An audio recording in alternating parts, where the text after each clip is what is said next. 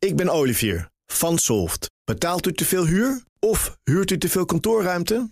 Solft heeft de oplossing. Van werkplekadvies, huuronderhandeling tot de verbouwing. Wij ontzorgen u. Kijk voor al onze diensten op soft.nl. De column van Paul Lasseur. Komende donderdag is het weer de dag van de integriteit.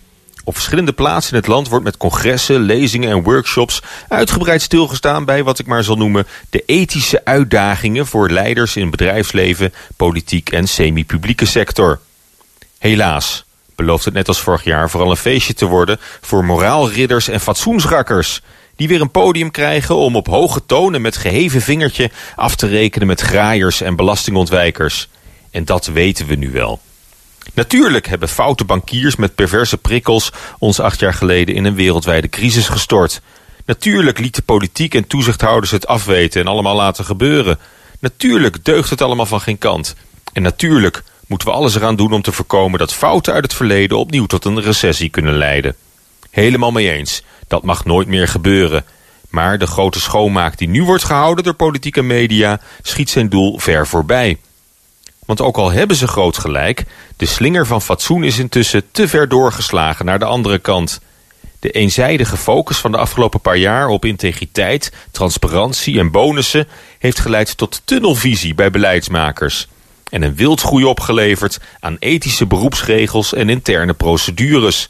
Zoals de bankierseed, de nieuwe accountantsrichtlijn, de wet normering topinkomens en de klokkenluidersregeling, om er maar een paar te noemen. Voor bankiers en accountants vormen die integriteitsregels intussen een knellend keurslijf dat verlammend werkt.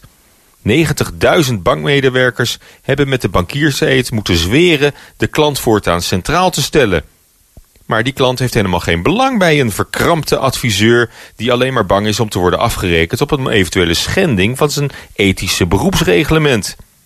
Ook de accountant is meer bezig met het afvinken van zijn eigen checklist dan met een doortimmerd strategisch advies voor zijn opdrachtgever.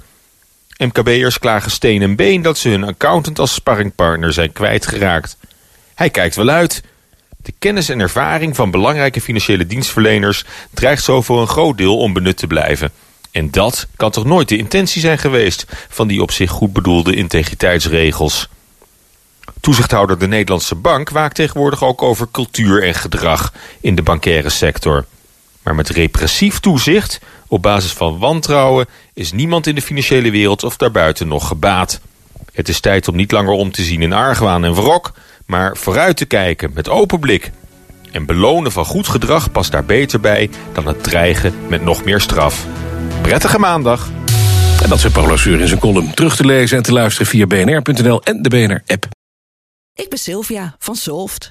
Betaalt u te veel huur of huurt u te veel kantoorruimte? Solft heeft de oplossing. Van werkplekadvies, huuronderhandeling tot een verbouwing, wij ontzorgen u. Kijk voor al onze diensten op soft.nl.